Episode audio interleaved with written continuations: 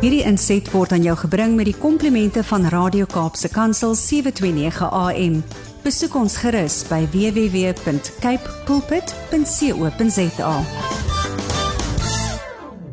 Hartlike goeiemôre van my Willem van Jaarsveld. Ek is jou gasheer vir die volgende uur hier op die senders van Radio Kaapse Kansel. En jy luister natuurlik na die landbouprogram Landbou Landskap. Dit is vir my lekker om jou vir vanmôre as my gas te hê en uh, jy kan na ons luister op uh, Radio Kaapse Kansel se senders 729 AM of 729 MW en as ook wêreldwyd op die internet.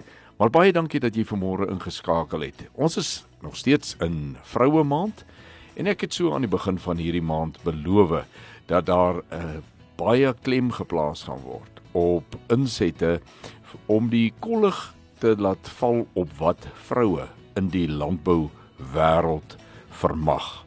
Geweldige rol wat vroue speel, nie altyd raak gesien word, dalk baie keer selfs nie waardeer word nie. Maar ons probeer tog in hierdie program erkenning gee aan vroue wat spore trap op die landboulandskap.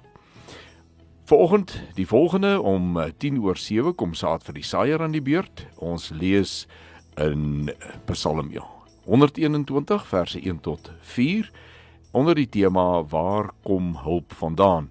In Kapstok begin ons vanmôre 'n gesprek wat ook sal oorloop dan in ons huis en hart se eerste gedeelte in 'n gesprek met dokter Theo De Jager oor die huidige stand van handelinge wat die landbank onderneem en hy het ook 'n spesiale gebedsversoek wat hy van môre met ons uh, luisteraars wil deel.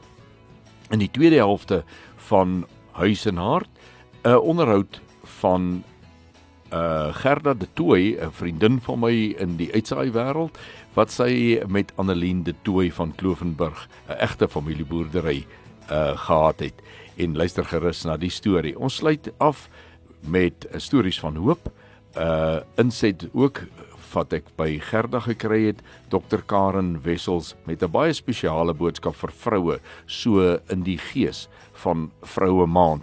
Met ander woorde, ek uh, gebruik vanmôre ook die hulp van 'n vrou in landboujoernalistiek om hierdie program moontlik te maak en twee aanbiedinge te bring wat van vroue af is. Luister gerus. Landboulandskap word elke week aan jou gebring met die komplimente van Cape Pots varsprodukte mark. Ek nooi jou om met ons te gesels deur middel van die WhatsApp en Telegram nommer wat albei is dieselfde nommer 0817291657 of stuur 'n SMS na 37988 en jy kan ook natuurlik per e-pos met my skakel wilm@capepulpit.co.za en begin asseblief jou boodskap met die woord landbou. Dit is altyd vir my lekker om in hierdie program die landboulandskap te deurwandel en uh, 'n klompie nuwighede hopelik vir jou te bring. Dalk is party van hulle nie so nuut nie, dan hoop ek is die inhoud wat ons rondom dit vir jou bring dalk nuut hier en daar of dalk sommer oral oor. Dit is net 'n voorreg om met jou en of jy nou 'n boer of jy net 'n verbruiker van landbouprodukte is, te gesels oor dit wat in die landbou aan die gang is. Mense gaan in 'n supermark in en jy uh, kies vir jou van die rakke af dit wat jy wil hê sonder om te dink waar dit vandaan kom. Maar baie keer as jy stil staan en jy dink 'n bietjie agter hierdie produk in my hand, is daar 'n gesin, is daar 'n stuk grond eers en tussen die gesin en die grond was daar wisselwerking. Daarom het ek dit wat ek nou in my hande het.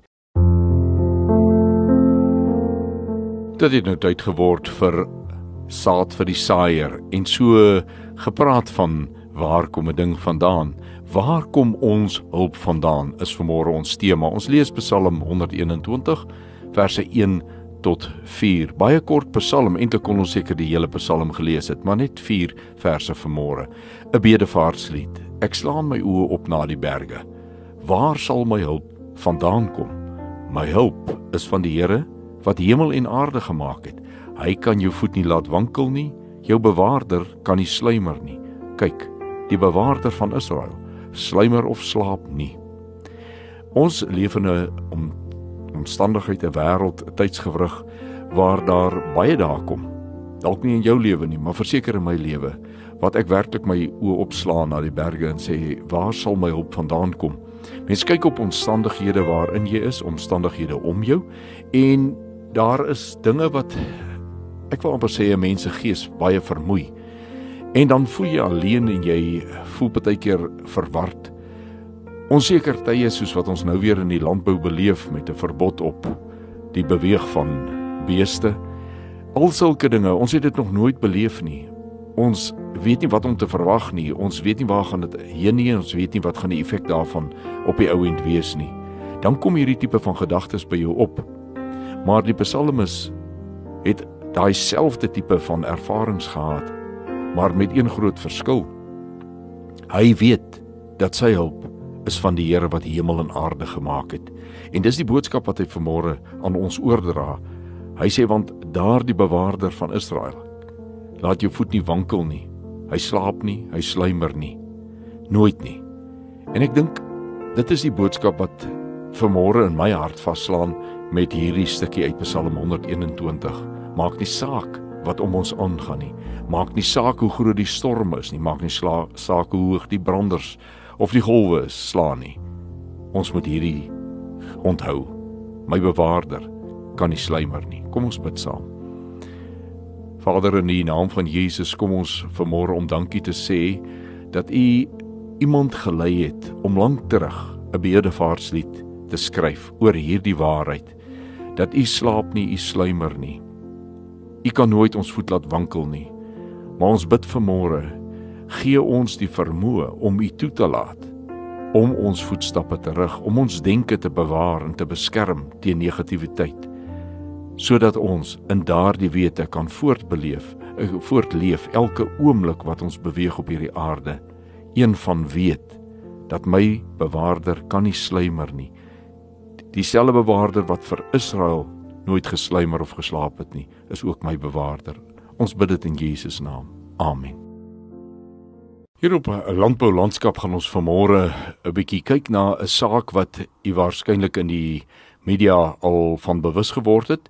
Dit is die saak dat 'n uh, landbank het die laaste tyd op 'n baie vreemde manier vir 'n instansie soos 'n landboubank met landbouers begin omgaan.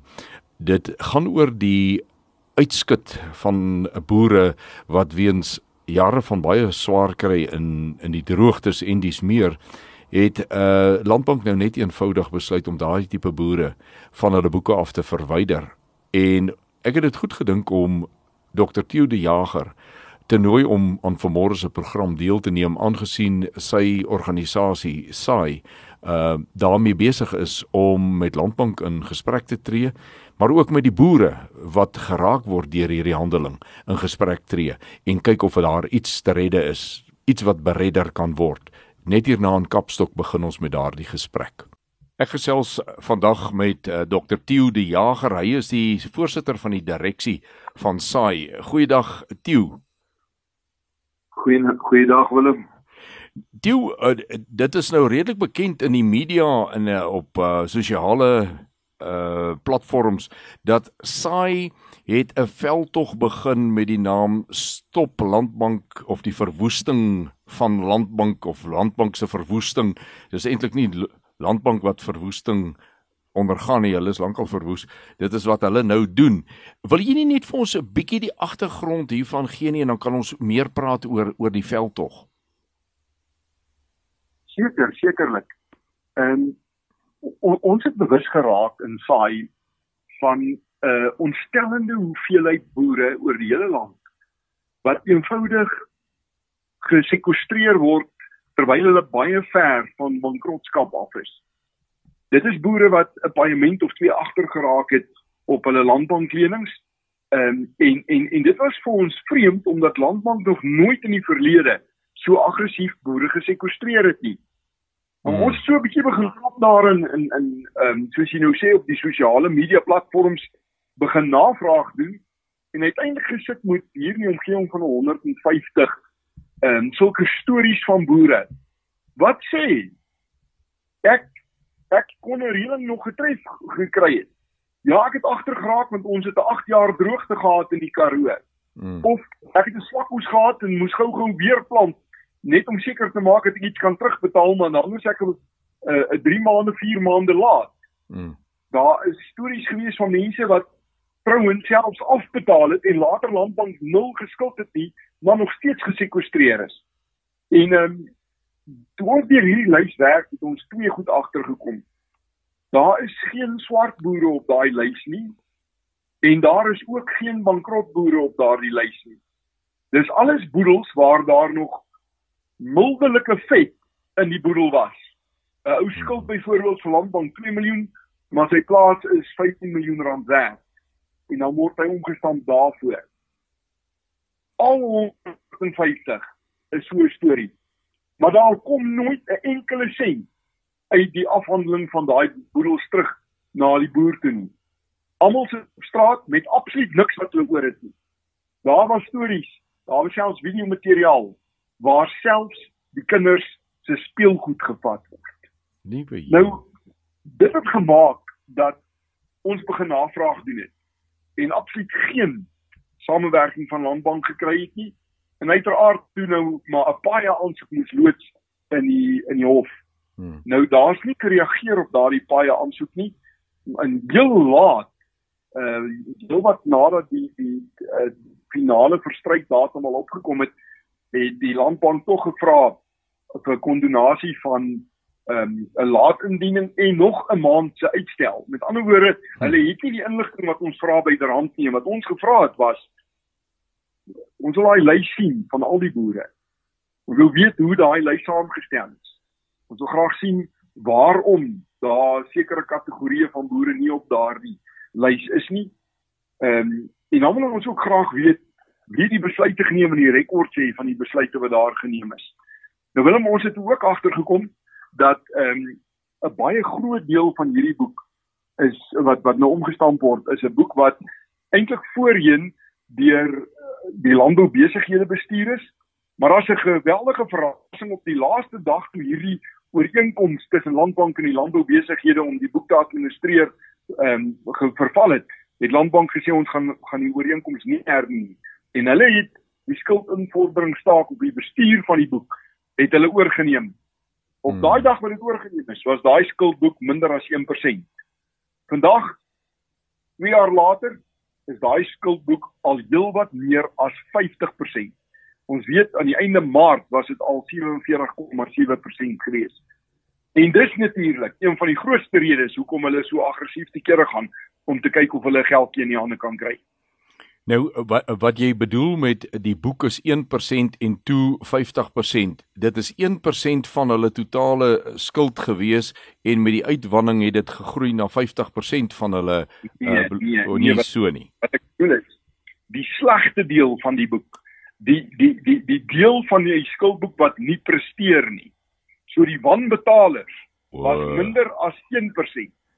En toe hulle dit self terugneem om dit self te administreer toe val of toe skiet daardie deel van boek die vrot deel van die boek skiet toe op na oor die 50% toe. Met ander woorde in die hande van die landboubesighede wat dit geadministreer het, was die boek baie beter bestuur wat dan dui op 'n uh, onbekwaamheid by landbank om hierdie boek te bestuur. Nou, Tieu, ek wil hê ons moet net nog so 'n bietjie verder gesels oor uh, die onbekwaamheidsgedeelte en dan natuurlik wat dit tot gevolg het En ek wil ook vra dat jy met ons so 'n bietjie sal dan gesels in die volgende gedeelte na die breek oor die metode wat gebruik word want landbank was tradisioneel die bank vir landbouers. So uh luisteraar, ons gaan 'n kort breek vat en dan is ek terug met hierdie gesprek met uh Dr Theo de Jager. Bly ingeskakel daarvoor. Ons sit in huis en hart die gesprek met Dr Theo de Jager voort uh oor die saak van Landbank en sy uh, handel en wandel met landbouers.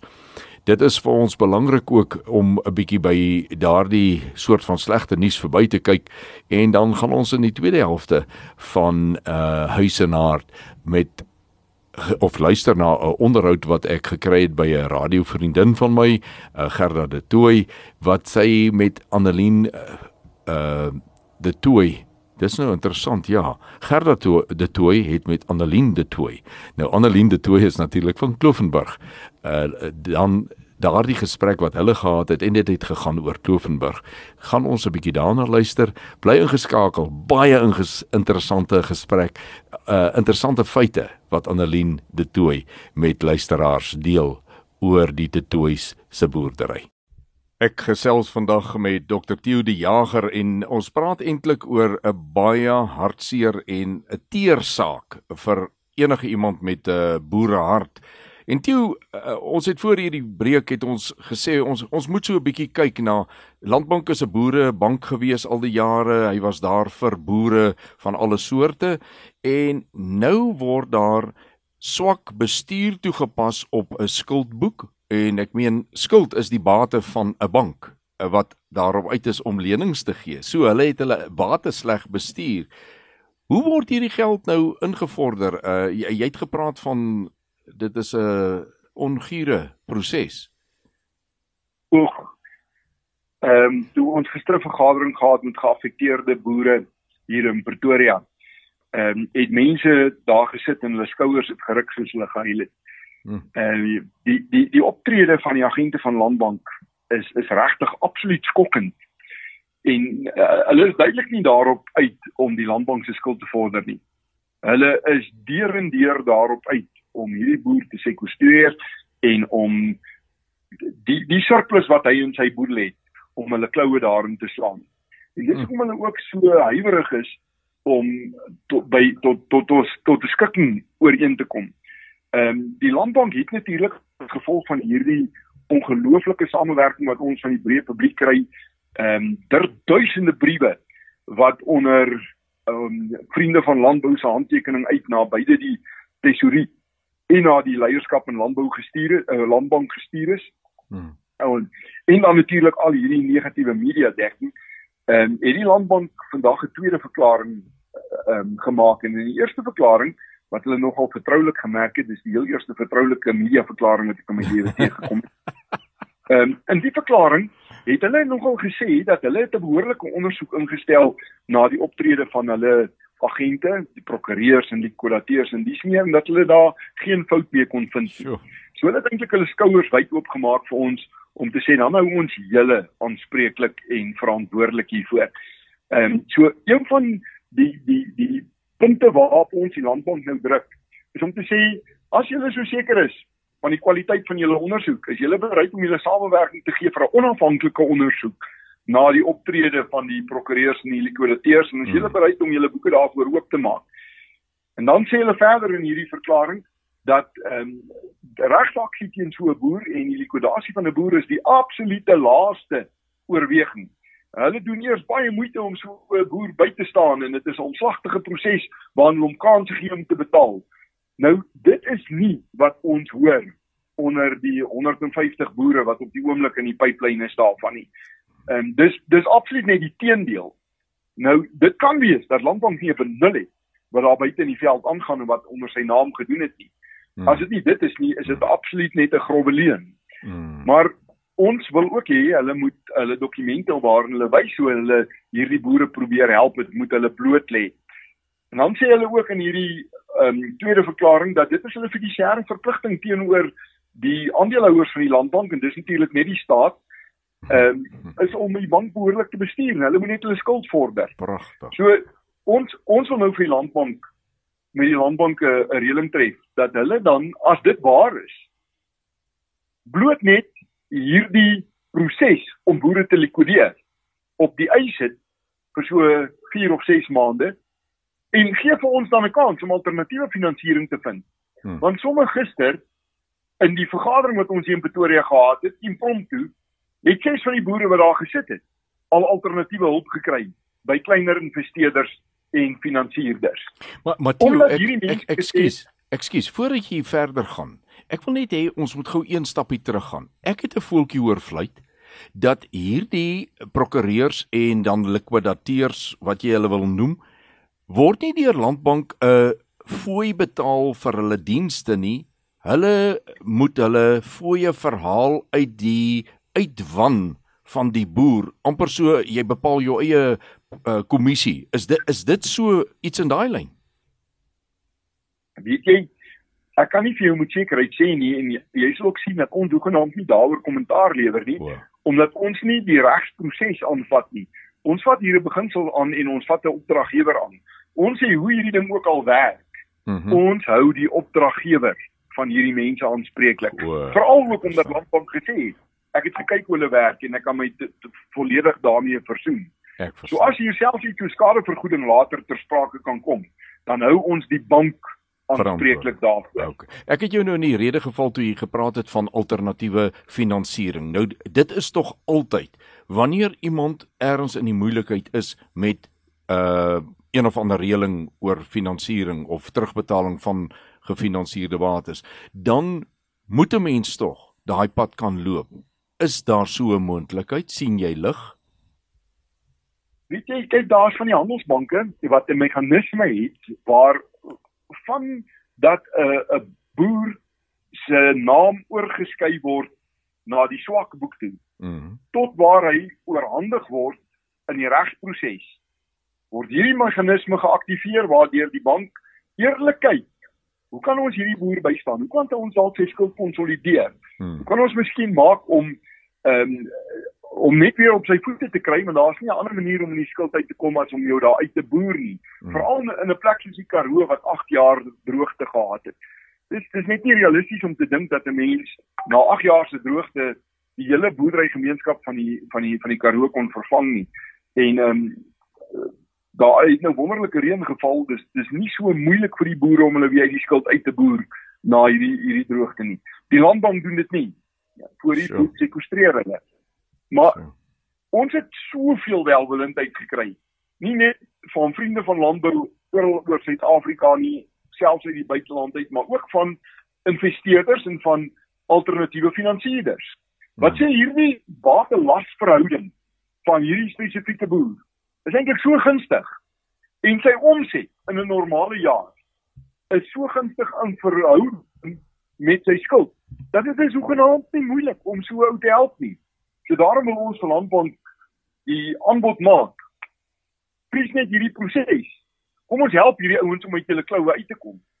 Nou as hulle sê nee, dan weet ons mos dat hulle bona fides nie, nie gesond is nie. En as hulle sê ja, al wat hulle gaan oorhou is die heel vrotste deel van die boek dan, die onredbaar is. En dan daai verhouding wat ons nou nou van gepraat het, die 1% wat 50 geword het, gaan dan 80 of 90% van ja. hulle boeke is dan vrot. Uh, uh ja, ek ek wil vir jou sê ek gaan eerder my eie hartsgevoel hierdie oomblik nie uitbring in woorde nie want dit is net onverstaanbaar hoe dat 'n land wat so afhanklik is van boere en hulle produksie en hulle welwillendheid of hulle uh, volhoubaarheid uh, so optrede kan kan uh, maak. En ek wil vir jou vra uh hierdie is 'n stasie waar 'n klomp mense aanbid 'n lewende God. As jy nou vandag kon vra vir 'n gebedsversoek uh van die luisteraars van ons almal, wat sou jy gevoorgevra het, Tieu? As mens sien die vernietiging, die verwoesting van wat dikwels oor vier generasies opgebou is op 'n plaas. Ehm um, en jy verstaan ook dat hierdie proses werk so 'n bietjie soos ou tydse ehm um, papiersnippermasjien. As hy eers 'n hoekie tussen die lemme ingekry het, dan ruk hy alles daardeur en jy kan dit nooit weer regmaak nie. Hmm. Dan dan vra ek tog dat die luisteraars sal bid vir uitkoms vir die boere wat nou in die in die bek van hierdie pyp staan en wat voel hoe hy suig. Hmm. En ook vir ons bid in georganiseerde landbou wat probeer om hierdie alternatiewe te soek. Want dit gaan oor 'n gesin en hulle lewensbestaan. Hmm. Dit gaan oor die ervaring van kinders, van gesin wees. En dit gaan veral ook oor die hart van 'n pa en en en Willem jy, jy jy moet hoor hoe klink paas wat voel hmm. dis nie net hulle gesinne wat hulle in hierdie proses gefaal het nie dis ook hulle paas en hulle oupas van wie hulle hierdie plase gekry het. Ja. En dis totaal onnodig. Hierdie boere het niks verkeerd gedoen nie. Hulle het 'n kontantvloei probleem as gevolg van 'n droogte of 'n haalstorm en hulle kan in een seisoen nie bykom nie. As hulle 'n blaaskans gegee word, soos wat Landbank vir meer as 100 jaar in die verlede gedoen het, dan boer hulle self maklik uit hierdie skuld uit. So dit, dit klink vir my Tieu ons ons moet bid vir uh, sagte harte aan die een kant en aan die ander kant dat daar nooit 'n dag sal kom wat hierdie boere moet opgee nie en dat daar 'n proses kan kom waar daar 'n oplossing gevind sal word. Vir julle wat daarmee besig is, moet ons bid vir wysheid.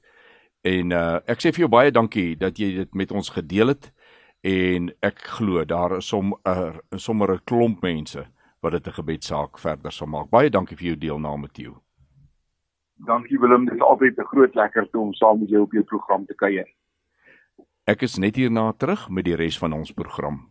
Ek gesels met Annelien de Tooy van die Kloofenburg Wyn en Olyf Landgoed naby Riebeek Kasteel. Annelien, dis my baie groot voorreg om jou welkom te heet op ons program. Goeiedag. Goeiedag, Gerda. Goeiedag luisteraars.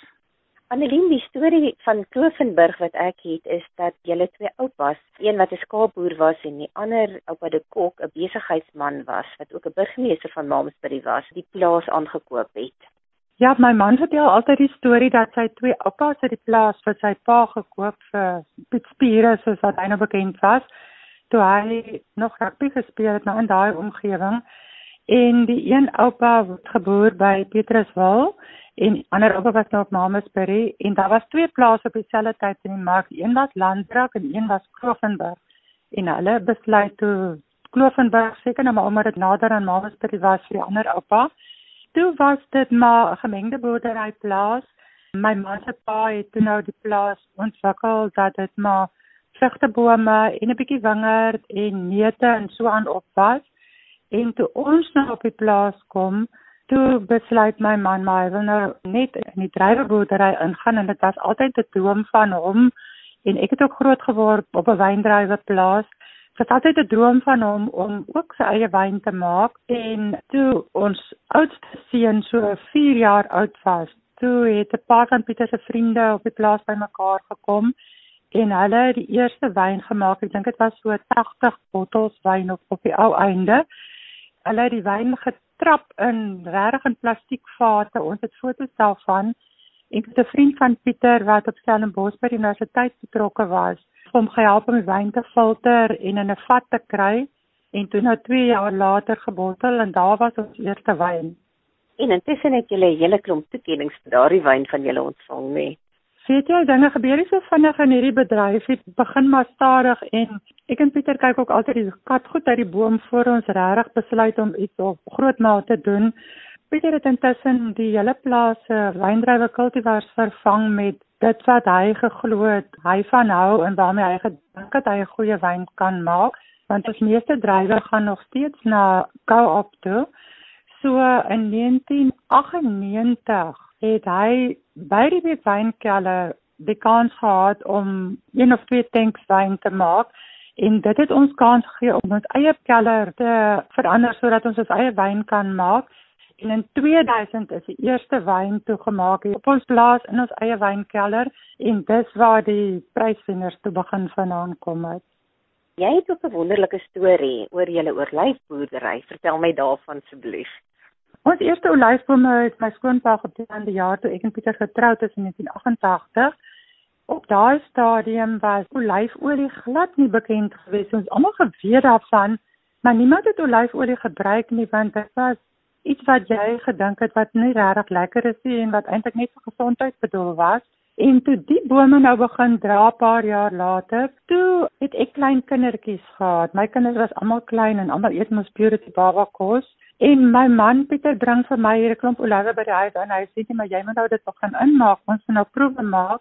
Ek kry toe 'n resep by 'n vriendin en ek sit en nou kry en goed by wat ek van hou. En daar is dit 'n groot wenner. Ek maak dit in purity potjies in en ons deel vir vriende uit en deel vir vriende uit en toe begin hulle daarvoor vra. Toe het ons nou 'n etiket ontwerp. Ek het gelukkig iemand gehad hier in in die vallei wat my mentor was sy het vir my gesê waar gaan koop jy bottels, waar koop jy asyn groot maat aan? En waar kry jy deksels? Waar koop jy ontwerp jy etikette al sulke goed? En dit ons 'n produk gehad wat gebottel is, maar is een ding om 'n ding in 'n bottel te sit en ek belowe jou dis 'n ander ding om 'n ding te verkoop.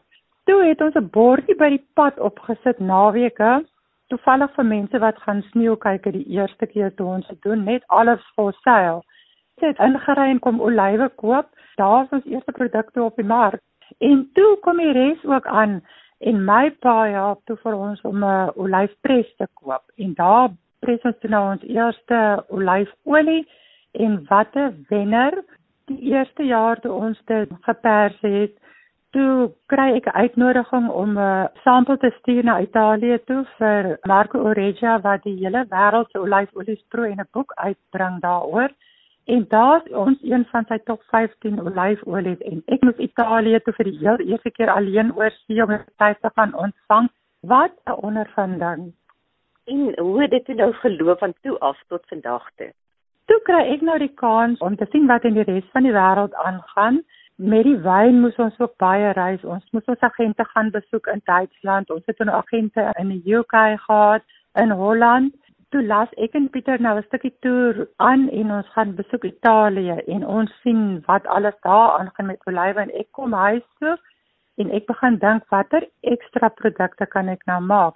En toevallig toe stap daar 'n Belg in ook in die produkaal eendag en hy sê vir my, "Het jy nie tapenade nie?" Toe sê ek vir hom, "Luister, wat is dit?" Toe stuur hy vir my 'n resep en daar het ek tapenade op die rak. Toe begin ons met gegeurde olies want ek is baie lief vir kook en baie lief vir kos maak en lees vreeslik op daaroor. So dan maar net 'n nuwe produk elke keer gekom. Toe het ons vye geplant.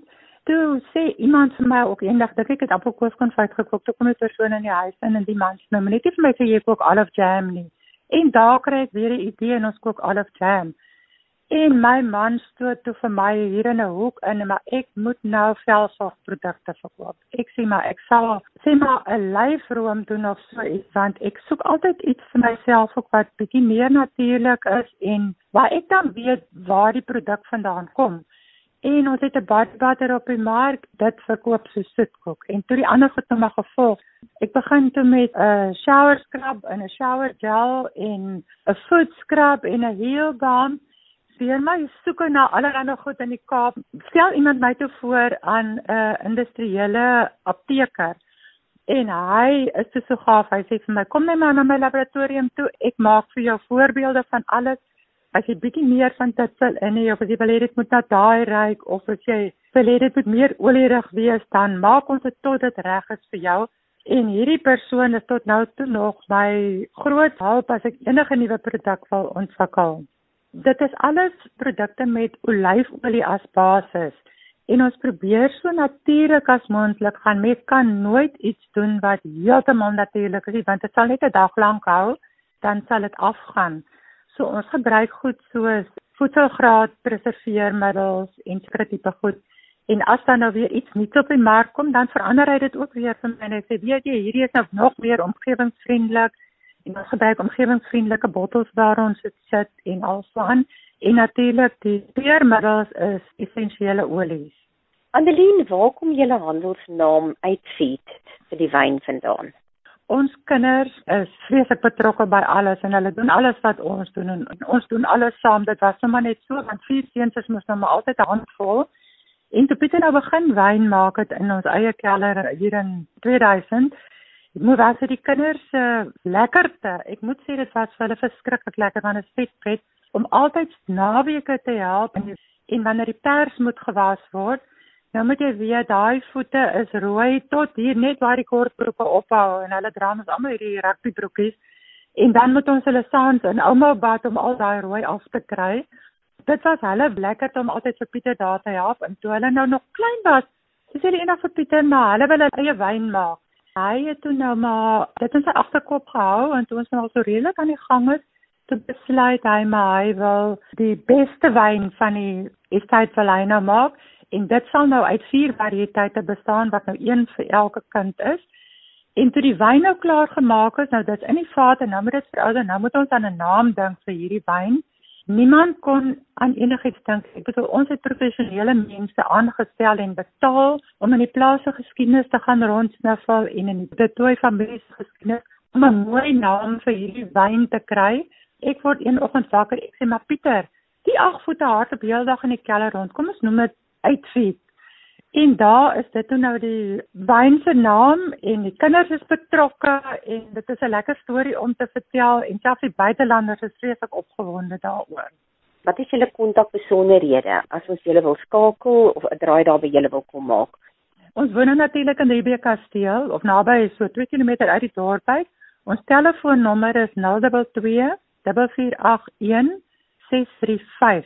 Ek sal gou herhaal 022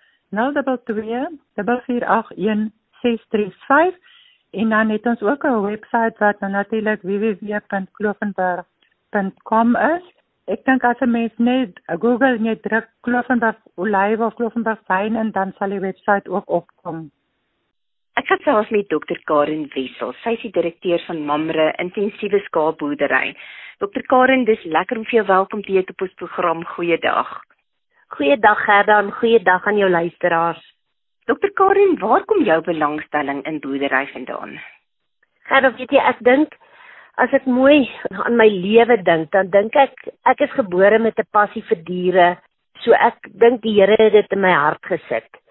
Maar ek het in die stad groot geword, so ek het nooit die vermoë gehad om regtig te dink dat ek kan gaan boer nie. En in my vorige lewe was ek 'n vroedvrou en ek het so 5500 babetjies in die lewe gebring. Wel, in die tyd wat ek gestudeer het, het ek vir Mani ontmoet en ek dink dit is waar die Here eintlik jou pad met jou maat laat saamloop. Want hy het op 'n plaas groot geword en hy's 'n plaasboer en hy is 'n boer in Murgenbeen. En nadat ons nou vir 25 jaar in die stad was, het ons teruggegaan plaas toe en daar kon ek toe my passie en my droom begin uitleef as 'n mens 'n passie het wat jy kan uitleef, dan is dit eintlik soveel makliker om eintlik op 'n area of 'n gebied in te stap wat jy eintlik niks van weet nie. Maar dan is dit amper asof die Here vir jou daai pad vir jou oopmaak en vir jou die geleenthede gee en jou eintlik tot jou reg laat kom op die plek waar hy jou eintlik wou geplant het en waar jy dan kan blomme dra en vrug dra. En weet jy as ek dink aan my beroep voordat ons plaas toe gegaan het, was dit vir my wonderlik om elke keer 'n lewe te sien en as 'n babatjie gebore word na eerste asem te gee, was dit seker die wonderlikste ervaring wat ek ooit gehad het. Maar ek dink as ek nou kyk na my lewe en ek sien nie net die boerdery nie, maar ek sien ook dat die skape wat ons passie is, maar ook die skape wat vir ons die geleentheid gee om ook aan die mense rondom ons hoop te kan skep. Ek dink dit is waar God se liefde en sy vaderhart eintlik dan aan ons blootgestel word en en as ek vandag dink aan vroue maand en ek dink aan die vroue in die landbou dan sê ek weet jy ek dink daar's vrouens wat baie groot skoene vol staan in die landbou. Want God het ons gemaak as vrouens met 'n geweldige deursettingsvermoë. Ek dink dit is sekerlik hoekom ons partymal 'n bietjie moeilik raak en ons man sê vir ons ons is moeilik en ons is kwaai, maar ek dink dis hoe God ons gemaak het sodat ons kan stap en die pad kan stap en ons kan vasbyt en deurdruk van iets wat moeilik is 'n groot sukses maak. Nou, jy het 'n intensiewe skaapboerdery begin. Dis 'n heel nuwe konsep gewees toe jy begin het daarmee. Nou net so kortliks, hoe werk daardie intensiewe skaapstelsel van julle? Dit is gerad eintlik is dit verskriklik maklik want ons het die program begin met 'n projekplan wat Mani vir ons ontwikkel het met projekbestuur. En toe ek die plan gehad het, kon ek eintlik die intensiewe stelsel doen. So ons boerdery werk op so 'n stadium dat ons elke maand lam. So alles wat eintlik op 'n plaas gebeur, doen ons elke maand waar dit eintlik een keer 'n jaar gebeur. So ons lam elke maand. Ek sit ooe by die ramme of ons doen laparoskopie elke maand. Ons speen lammers elke maand en ek bemark my lammers elke maand. Omdat ek uit 'n bedryf uitgekom het waar ek eintlik 'n salaris gekry het, was dit vir my nogal 'n redelike aanpassing toe ons plaas toe gekom het en ek nie 'n salaris gekry het nie toe het ek vir Mani gesê, weet jy, ek wil graag iets doen waar ek ook my eie salaris verdien want dit is waaraan ek gewoond was. En toe ons nou die skaapbedryf so begin, toe baie mense vir ons gesê, weet jy wat, jy kan dit nie doen nie. Dit gaan nie werk nie. Dis nie volhoubaar nie. Ons het al hierdie goed gehoor, maar ek dink ek het dit by my een oor was dit in, toe dit by die ander oor uit want ek het net gedink maar dit is mos nou nie onmoontlik om dit te kan doen nie. As jy bereid is om te werk en jy gee jou skape die regte kos en jy hou hulle immuniteit hoog, ek het mos nou daai goeters mooi verstaan, dan kan hierdie ding mos nou baie mooi werk. En Gerda wie na 12 jaar wat ons die intensiewe stelsel doen waar ek met 25 oetjies begin het in die stelsel en ek is nou so op so 230 oeye per maand wat ons nou laparoskopie kan ek vir jou werklik waar sê dat die intensiewe stelsel dink ek is eintlik die ding vir die toekoms omdat ons grond so duur raak. Dis die een ding. Arbeid raak al hoe ek wil amper sê minder betroubaar en hulle is baie duur. En met die intensiewe stelsel, omdat jy in kleiner groepe werk, jy werk nou nie met hierdie een groot trop skape die hele tyd nie. Omdat jy met kleiner groepe werk, is jou risiko ook baie kleiner. So as jy 'n uitbraak het van 'n siekte, ons luister nou al die hele dag oor die back and claw en al die goeters wat gebeur, as so iets moet gebeur of daar's 'n uitbraak van 'n uh, siekte met jou lamtyd, dan is dit 'n klein gedeelte eintlik van jou skaapboerdery wat eintlik geaffekteer is daardeur. Dis nie die hele trop nie. So daar's baie voordele daarin, maar dit is ook baie harde werk. Dit is baie waar dat dit is harde werk en dit is 'n duur stelsel, maar dit werk. So ons intensiewe stelsel is eintlik wat ek sou sê, dit is eintlik maar die skaapboerdery vir die toekoms ons nou gesê dat dit nou vroue maand is nou het jy 'n boodskap aan ons vroue landbouers ja weet jy ek wil vir die vroue vandag sê weet jy dit wat in jou hart geplaas is toe jy nog 'n klein dogtertjie was moenie jou drome verloor nie dit is daar met 'n doel in jou hart en as ons 'n passie het vir dit wat ons doen dan is dit nooit werk nie want 'n passie is mos iets wat jou dryf. Dis mos iets wat vir jou lekker is. En dis iets waarmee jy kan leef en assosieer die hele tyd. Manie sê altyd iemand moet net vir my sê skaap, dan kan ek nie ophou praat nie. En ek dink dit is die boodskap wat ek vir ons vrouens wil gee is ons het 'n hart, 'n moederhart wat ons ook in ons bedryf en in hierdie bedryf wat eintlik onder baie druk is op hierdie stadium. Wil ek die vrouens bemoedig en sê weet jy wat staan jou plek vol in die landbou en daar is plek vir elke vrou in die landbou en baie sterkte ook vir dit wat voorlê vir elke vrou in die landbou maar ook vir al ons vroue in Suid-Afrika. Ek dink ons beleef 'n moeilike tyd, maar ook 'n tyd waar daar werklik waar soveel groei en soveel nuwe dinge is om te ontdek en te begin. Ons leef in 'n wonderlike land met baie geleenthede. Dokter Karen, as dan nou van ons luisteraars is wat graag met jou wil gesels oor hierdie intensiewe skaapstelsel van jou, waar kan jy gekontak word? Ek gee verder hulle kan my enige tyd skakel op my selfoon. Dis 082 854 1491. Dr Karen Baai, dankie vir die saamgesels vandag en hou asseblief aan waarmee jy besig is en met die passie wat daar is en dankie vir jou voorbeeld dat jy nooit ophou nie en dat jy altyd lewe spreek en dat jy opgewonde is oor nuwe lewe wat elke dag gebeur. En ons spreek ook lewe oor julle boerdery. Baie baie dankie Gerda. Ek neem daai ene en ek sal hardloop daarmee. Ek hoop dat hierdie afgelope 3 weke se programme, landbou landskap programme vir jou 'n aanduiding gegee het van hoe baie werk word in landbou gedoen deur vroue. Wat 'n groot rol speel hulle. Vanoggend het ons nou sommer 'n groot lading daarvan gehad. Pragtige stories, pragtige bemoedigende woorde, alles uit die monde van vroue wat in landbou betrokke is en nie net bolangs betrokke is nie. Intens betrokke is. Ek sê baie dankie vir hulle deelname. Dit was vir my weer 'n voorreg om met jou te gesels vanoggend. Ek het maar 'n baie klein deeltjie aan hierdie program uh vanmôre gehad. Uh vroue het die woord gevoer en ons sê dankie dat Kypots varsprodukte mark die hierdie landbou landskap program weer eens vanoggend vir ons moontlik gemaak het. Ek het reeds met jou gedeel die nommers en die plekke en hoe van kontak met ons gebruik dit asseblief. Tot ons weer saamkuier volgende Saterdag om 7. Groet ek Willem van Jaarsveld en mag jy elke oomblik Vader se guns op jou lewenspad beleef. Wederom.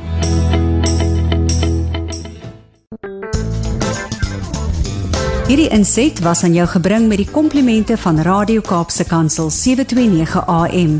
Besoek ons gerus by www.cape pulpit.co.za.